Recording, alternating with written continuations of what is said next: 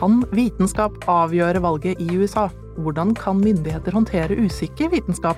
Og hvordan har akkurat det gått her hjemme under koronaepidemien? Forskningsetikk. En podkast fra de nasjonale forskningsetiske komiteene. Velkommen til Forskningsetikk. I dag har vi med oss Nina Kristiansen, redaktør i forskning.no, og Ole Andreas Engen, professor ved Universitetet i Stavanger og medlem i Den nasjonale forskningsetiske komité for naturvitenskap og teknologi. Men vi starter med et sitat fra det velkjente magasinet Scientific American. I en lederartikkel 1. oktober skriver redaktørene der Scientific American støtter Joe Biden. Vi har aldri støttet en presidentkandidat i vår 175 år lange historie, før nå. Vi er tvunget til å gjøre det. Vi gjør det ikke med lett hjerte, og tilsvarende skjer i andre vitenskapelige publikasjoner i USA. Nina Kristiansen, hva er det som skjer? Ja, det som skjer er at forskere, forskningsmiljøer, går ut og tar side i valget. Og det er ganske bemerkelsesverdig. Du kan sammenligne det med om eh, forskningsmiljøet rundt Edvard og May-Britt Moser plutselig sa det at de skulle stemme på eh, Erna, eller ville støtte Erna i valgkampen, eller Jonas Gahr Støre. Det ville jo vakt eh, oppsikt, mm. og det gjør det jo også i USA. Eh, så eh, flere tidsskrifter, eh, enstemmige uttalelser fra alle redaktørene, går ut og støtter Joe Biden, eller kritiserer Donald Trump. Noen gjør det anonymt, men det er jo litt latterlig, egentlig, hvor at de kritiserer our leaders. Vi skjønner jo alle sammen hvem det er, men øh, jeg har, tror jeg aldri har sett noe lignende. Altså, du kan se forskere involvere seg på sånn enkeltsaker og sånn, eller mm. forskningsmiljøer, men aldri sånn i en politisk valgkamp. Nei, så det, det ville være omtrent som om dere i forskning.no skrev det samme på ja, lederplass? Ja, for eksempel. Nå støtter vi Pensjonistpartiet, eller Nei. nå støtter vi De Grønne. Ikke sant? Det ville, det ville ikke skjedd da. Nei. Og jeg tror Altså, kan, vi kan snakke litt om hvilke saker det er forskerne reagerer på, men, men jeg tror det de i hovedsak reagerer på, er den sittende presidentens forhold til sannhet og løgn. Mm. Og sannhet er jo viktig for forskere. Eh, Riktignok problematisk, for hva er egentlig sant i vitenskapens verden? Men den måten Donald Trump tråkker på sannheten, vrenger, vrir, spytter på, kaster den ut av vinduet, ikke sant? Altså, det er vel kanskje det som sånn er den moralske opprøret, da. Og det betyr jo også det at han kaster da ut vitenskapelige resultater, forholder seg ikke til det, har en lemfeldig forhold til tidligere forskning. Eh, vi ser det jo veldig, veldig tydelig i pandemien, ikke sant, hvor han liksom nærmest finner på sine egne metoder og, og promoterer dem, og øh, det var jo én sånn type malariamedisin som én forsker gikk ut og sa at dette her har jeg jo undersøkt, dette virker, og så liksom bare plukker Donald Trump det opp og sprer det utover hele verden. Mm. Så mm, jeg mener at det er løgnen da, og sannheten som, som, på en måte står på spill her, og som uh, gjør at de kanskje reagerer. Tror du det kan gå så langt at det blir vitenskap som avgjør valget i USA på tirsdag? Jeg vet, altså Forskningspolitikk har jo aldri vært en stor del av noen eh, valgkamper i verden, heller ikke i USA, ikke i Norge heller. Men jeg tror det at eh, den enorme mobiliseringa som autoritetspersoner eh, og autoritetsmiljøer, som forskningen jo er, da, at de også går ut nå, tror jeg faktisk kan spille en stor rolle, da. Mm. Men denne løgnen som du var inne på, den har vi sett. Vi har sett hvordan Trump selv misbruker forskning, det må det gå an å si. Eh, men, men presidentperioden har også hatt reelle skadevirkninger på forskning? Mm, ja da. Jeg vet ikke om dere husker, husker den det, det, skjer jo så mye med Trump hele tida at det er vanskelig å huske hva som skjedde for fire år siden, men det, det første som skjedde, var jo det travel ban, hvor han skulle stoppe terrorister. Så da Eh, eh, innført en eh, innreiseforbud for sju muslimske land. Og så er jo sånn forskningen er internasjonal, ikke sant. Det sitter jo mange folk fra disse landa i amerikanske forskningsmiljøer. Altså, forskningsmiljøene jakter jo på de beste folka. Og USA har jo vært et attraktivt land. Så det sitter jo massevis av internasjonale forskere i USA, blant annet fra disse sju eh, muslimske landa. Og de fikk jo seg en støkk. Kan jeg aldri dra hjem? Noen av de var på besøk i hjemlandet, blei geleida ut av fly. Det var ganske heftig. Men det var begynnelsen, eh, og så fikk de jo liksom stoppa litt av det, og så, og så starter jo, ikke sant, med en gang i USA, så skjer jo liksom den politiske kampen da i rettssakene. Og så går vi videre. Da, han var Han er jo en form for klimaskeptiker, Donald Trump, så han begynte jo å blande seg bort i klimaforskningen gjennom å oppnevne sine egne folk. Og også i miljøforskninga. Uh, en sånn ting han gjorde, da, som nesten ikke er kjent her, er at han gjorde et Altså hans folk, da, ikke sant, han, alt er jo oppnevnt politisk i USA, så han oppnevnte da sjefen for eh, et sånt stort eh, direktorat som finansierer massevis av forskning, og så sa han at ingen av de forskerne som har fått penger fra denne organisasjonen, skal få lov til å sitte i våre vitenskapspaneler og råd og komiteer og utvalg. Mm. Og dermed så var det jo egentlig sånn at de som kunne det best, fikk ikke lov til å være med å utforme eh, råd til politikerne. Mm. Og det ble også omgjort. Men ikke sant, det skaper så mye støy, da, mm. hver gang han gjør sånne ting. Og så er det jo finansieringa av eh, klimaforskning, miljøforskning, en del helseforskning som har gått, eh, blitt svekka. Og det eneste positive er kanskje uh, at han vil til månen, altså. At han har liksom made the moon great again i, i romfartforskninga. Jo, men så har du også vært inne på dette at han har han har kanskje hatt en positiv innvirkning på kildesjekk? Ja, altså for oss som er journalister, så mener jeg faktisk at han har ført til noe positivt. For at når du setter sannhet og løgn i spill, da, så er jo ikke det bare viktig for forskere. Det er jo viktig for oss som er journalister også. Så eh, det du så veldig raskt i amerikanske medier Han, han gjorde jo dem til sin fiende, direkte.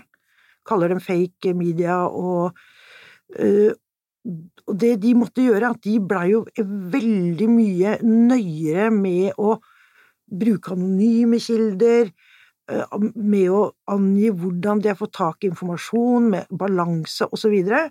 sånn at du kan si at presseetikken, da, i en konfliktsituasjon blei veldig viktig, ikke sant, og perioden med Trump har jo vært en konflikt mellom media og presidenten. Så plutselig så blei presseetikken superviktig, og det liksom sildrer ned til Norge, da, ikke sant, altså, fordi dette her er jo en vi har jo også våre faglige foraer og snakker sammen og, og så vi, jeg merker i forskningen den måten vi bruker anonyme kilder på. Jeg kan ta ett eksempel. Da. Vi intervjua en forsker som var fra Syria, som ikke ville stå fram med navn. Fordi han var fortsatt eh, Ja, ikke sant, du veit åssen det er der nede. Eh, så han eh, ville ikke stå fram med navn, og før i tida, før Trump, så ville vi kanskje bare sagt at skrevet Mohammed i gåseøyne, ikke sant, for å vise at han egentlig ikke heter mm. Mohammed. Nå sier vi han kan ikke stå fram, vi kaller han Mohammed, og, men vi i redaksjonen kjenner identiteten hans. Mm. Ikke sant? Og så vi har rett og slett presseetisk fått en boost, da. Ja. Med, en, med en gæren president i USA.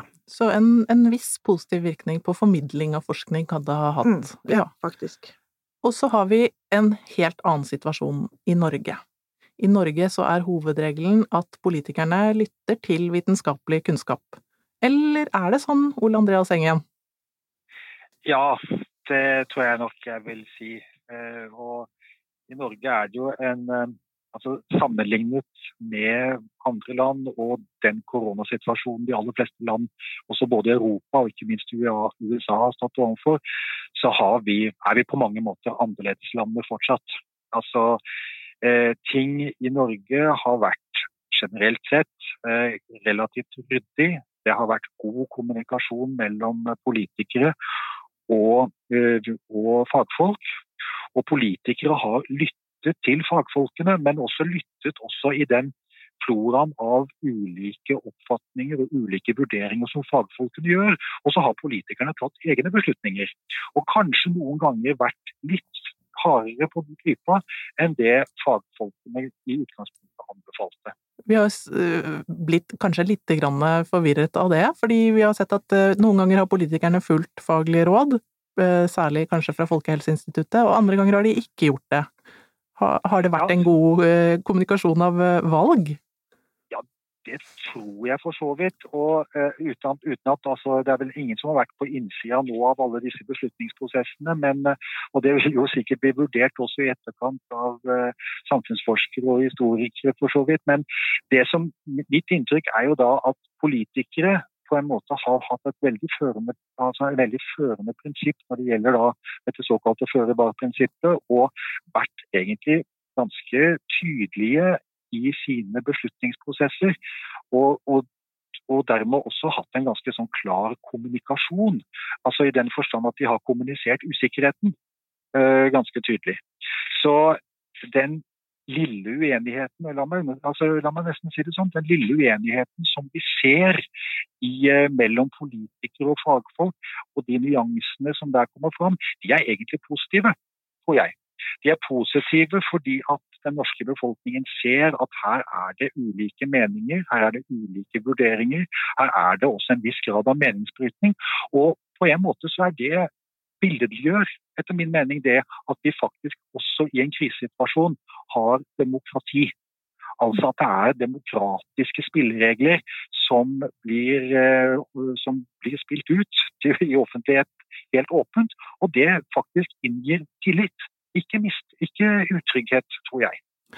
Ja, fordi vi, jo, vi, kjenner jo godt til at det er viktig at forskerne jobber uavhengig, men, men, her kommer vi også inn på det at det er viktig at politikken er uavhengig av vitenskapen. Er det sånn, Ole Andreas? Ja, til en viss grad så vil jeg si at uh, hele den situasjonen vi har hatt siden mars, viser at vitenskapen kan framtre i offentligheten her som uavhengige og rådgivende organer til de politiske myndigheter. Og Samtidig har vi også sett en diskusjon uh, i Norge, etter min mening konstruktiv på mange måter, mellom ulike miljøer, altså ulike forskningsmiljøer eller forskningssystemer, hva man vil, ekspertsystemer.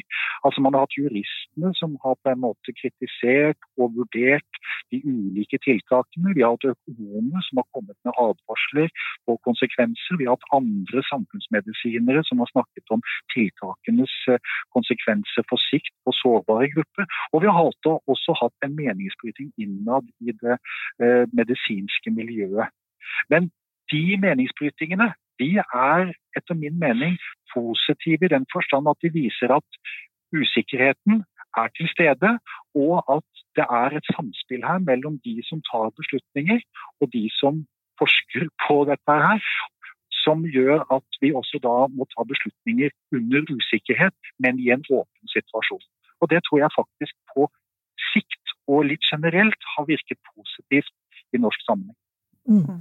Nina Kristiansen? Ja, jeg tenker jo også det at det har vært gått bra, ikke sant, og, det, og jeg er i hvert fall for at usikkerhet i forskningen kan kommuniseres ut i befolkningen uten at vi går bananas.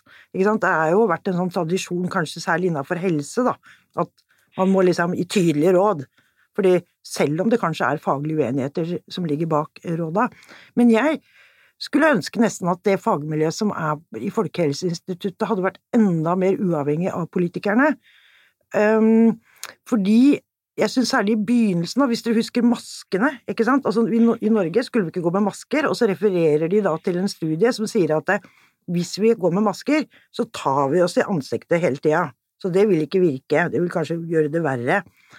Og det rådet kom da til eh, politikerne, og jeg veit ikke hvor godt faglig fundert det rådet var, altså hvilken forskning egentlig det var basert på, den ta i ansiktet-studien, men jeg tror det kanskje hang sammen med at vi ikke hadde noe særlig masker på laget i Norge, altså at det var et faglig råd som blei så influert av politikken at det gikk for langt den veien, ikke sant. Så jeg skulle ønske at Folkehelseinstituttet mye tydeligere hadde gitt faglige råd, og så kunne politikerne gjøre akkurat hva de ville med det. Du, har du noe grunnlag for dette, Nina, eller er det en liten konspirasjonsteori du lanserer? Nei, nei, altså ja, vi, vi, ser, vi, ser, det jo, ikke sant. Altså hvilken forskning var det som lå til grunn for eh, Altså Folkehelseinstituttet publiserer jo alt ut, altså de er jo kjempeåpne. Så jeg ser jo bare på hvilke råd er det Folkehelseinstituttet har gitt til politikerne. Mm. Det første som kom, var masker vil ikke funke som smittevern. Og den biten om var det fordi de ikke hadde eh, maske på lager, det er vel kanskje litt spekulasjon, da. Men jeg syns ikke det var en vill spekulasjon, akkurat. Kan det være sånn, Ole Andreas, at uh, forskerne av og til håndterer situasjonen ut fra hva, hva som foreligger politisk? Altså, det er klart at her er det det å diskutere grad av uavhengighet tror jeg er fryktelig viktig. Og det tror jeg også vil bli en del av de refleksjonene som kommer i etterkant av eh, koronasituasjonen, når man da skal mer eller mindre litt sånn distansert evaluere hva som har skjedd. Men det vi er inne på nå, er jo dette her veldig vanskelige landskapet som heter usikkerhetskommunikasjon. Og her er det fryktelig lett å trå feil. Eh, jeg syns jo sånn generelt sett så har eh, man klart å holde balansen ganske bra, både når det gjelder forskningsmiljøene og politikerne. Men det er klart det at hvis man da, når man da får fram usikkerhet i ulike typer tiltak, så kan det slå negativt ut. Og Det så vi jo ganske godt eh, eksempel på når eh, man fikk denne lille kontroversen mellom Bent Høie og Fredrik Solvang. Altså Hvor Bent Høie på en måte begynner å kanskje bli litt irritert og litt Eh, litt eh, autoritær overfor media, når han da sier at nå må vi ikke skape mer usikkerhet om dette tiltaket. Mm. Så, så, det er klart at her er vi et veldig sånn hårfint landskap. Og det er klart, jeg tror nok uh, Nina Kristiansen har rett i at kanskje i noen sammenhenger så burde rådene ha vært de enda tydeligere og kommet liksom enda mer sånn uavhengig fra forskningsmiljøene. For dermed å kunne bli tatt av politikerne eller forkasta av politikerne. Og kanskje det ville ha gitt en klarere Eh, klarere melding til publikum hvordan de skal forholde seg ved tiltakene. Men mm. dette tror jeg også er risikokommunikasjon som, som usikkerhetskommunikasjon som hele tiden vurderes. Og i denne prosessen som er veldig uoversiktlig, og både er uoversiktlig nå, men har vært veldig uoversiktlig, så er det nok lett å trå feil. altså. Det er det. Mm. Men jeg syns summa summarum så syns jeg at uh, man har klart å håndtere dette. Og man har også klart å ta inn over seg de gangene man har uh, kommunisert dette eller vært litt på gyngende grunn i usikkerhetskommunikasjon. Mm, og, det har jo vært noen eksempler siden mars om at uh, media har avslørt at Folkehelseinstituttet har vært uenig med politikerne. De er liksom, fordi, som jeg sier, Folkehelseinstituttet publiserer jo alt. Så det er ikke veldig store avsløringer, egentlig. men det burde vært en selvfølge, da. At det var mm. uenigheter mellom forskerne og politikerne, men her er det politikerne som tar beslutningene.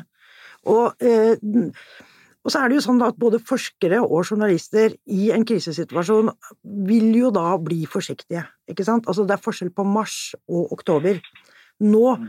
er det ikke Og vi har sett at det viruset, det er farlig, og det skjer masse, men det er ikke liksom det, Vi er ikke en sånn ytterste krisesituasjon nå, som gjør at journalister skal legge ned tastaturene sine, eller forskerne skal legge ned sin uavhengighet. Kanskje var vi litt mer forsiktige i mars, ikke sant? Her må det ett budskap ut, og vi må være lojale. Men det, det er det jo ingen grunn til lenger, og da, da, er jeg så for Altså hvis ikke faglig uenighet kommer ut, så mister jo forskningen troverdighet.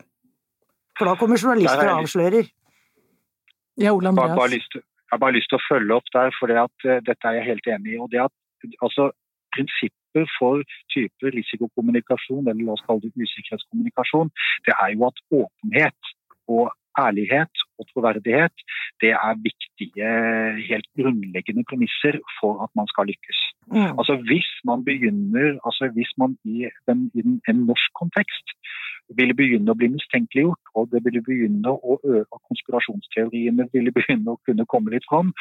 Og samtidig at man da begynte å mistenke ulike vikarierende motiver, enten hos forskningsmiljøene eller hos politikerne, ja, så er eh, risikokommunikasjonen eller usikkerhetskommunikasjonen dømt til å mislykkes i en norsk kontekst. Det er jeg helt overbevist om. Mm. Der syns jeg også at uh, denne perioden vi har hatt, som har vært veldig krevende for for, for, politikere eller for de som i, i en sånn risikokommunikasjonssammenheng, der syns jeg de har håndtert det veldig fint. Og det er veldig viktig, og jeg er helt enig med Nina Kristiansen, altså åpenheten om og uenigheten og uenighet om, om, forskningsresultater, og ikke minst de eh, strategiene som eh, Folkehelseinstituttet har valgt, er helt riktige. Mm. Så vi skal ikke være redd for, uh, for redd for å forvirre befolkningen oppi ja. dette? La meg ta, ta, ta et eksempel. Hvis, Hver gang du drikker vin, så er det noen som sier at ja, det er jo sunt med, med, med rødvin, ikke sant, det forlenger livet. Og så er det noen som sier nei, nå har forskningen motbevist det, ikke sant. Ja, en dag så er det sunt med rødvin, og en dag er det usunt. Og så går du på forskning.no, så vil du finne studier som eh, sier både det ene og det andre. Det er jo litt hva du undersøker. Men da er det jo, tenker jeg, en journalistisk oppgave å forklare hvorfor er det ulike studier kommer fram til ulike resultater. Og ikke bare det, er dette viktig forskning eller ikke? Ikke sant? Fordi at det, det er jo ikke sånn at det, uh, mesteparten av forskningsressursene går inn på rødvin. Ikke sant? Dette her er jo kanskje små studier, så det må vi forklare. Og så må vi forklare har de intervjua folk, har de undersøkt hjerter, har de undersøkt noe i rødvin? Altså, det er Vi må forklare hvorfor uenighet og usikkerhet oppstår, og hvorfor ulike forskningsresultater står mot hverandre. Og da er det ikke farlig med usikkerhet og faglig uenighet i det hele tatt.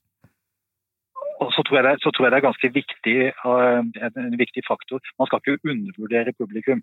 Altså, Folk flest er oppegående. De har evnen til å kunne vurdere informasjonen. De, uh, den uh, norske befolkningen er opplyste, de bruker flere kilder. Og jeg er ikke så veldig redd. Jeg tror folk flest har også evnen til å være kildekritisk også. Og dermed kan de håndtere usikkerhetskommunikasjon. Jeg tror man rett og slett ikke skal undervurdere folket, for å si det enkelt. Ja, det er jeg så for. Bra. Tror dere denne perioden kanskje har gjort folk enda mer bevisst på, på, forskning og bruk av forskning?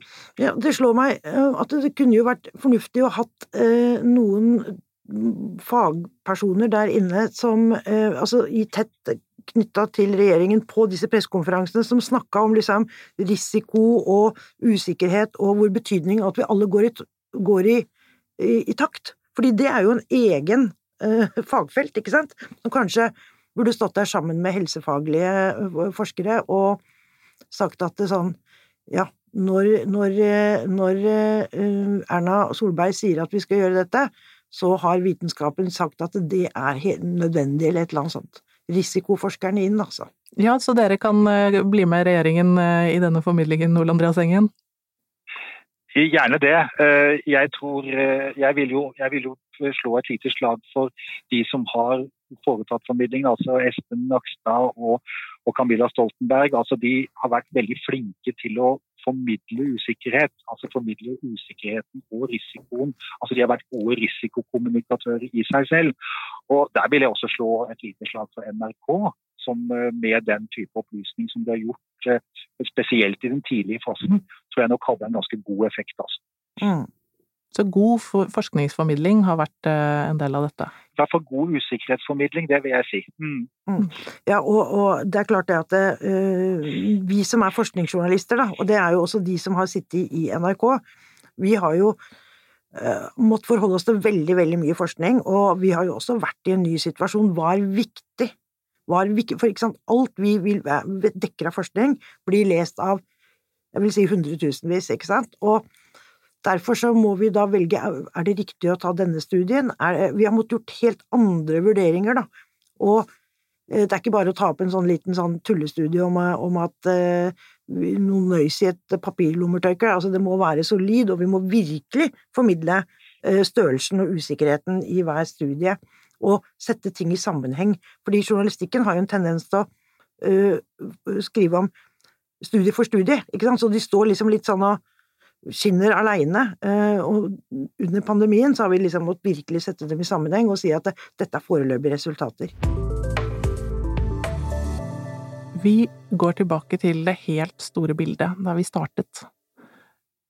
I, på tirsdag så skal det velges en uh, ny president, eller en president, for en ny periode i USA. Nina Kristiansen, hvem tror du vinner? Ja, det er så spennende at jeg kan ikke få sagt det. Jeg driver og leser alle disse her bøkene som er skrevet om henne, ikke sant. Nå holder jeg på med Rage, da, av Bob Woodward, og jeg tenker at det er det, Joe Biden må vinne. Jeg må nesten si det sånn. Eh, nå, er, nå, er, ikke dette her å ta stilling i et valg, da, for jeg sitter jo i Norge og har norsk redaktør i Norge, så jeg vil bare nevne det. Dette er jo bare synsing, men fordi at det, Trump har jo hele tida hatt gjenvalg som en sånn trussel. Og hvis han da vinner valget og ikke lenger kan gjenvelges, så har han jo helt frie tøyler, og da veit jeg ikke hva som skjer, verken med forskning eller noe annet. Tusen takk til Nina Kristiansen og Ole Andreas Engen. Du hører på Forskningsetikk, en podkast fra de nasjonale forskningsetiske komiteene, og jeg heter Ingrid Torp.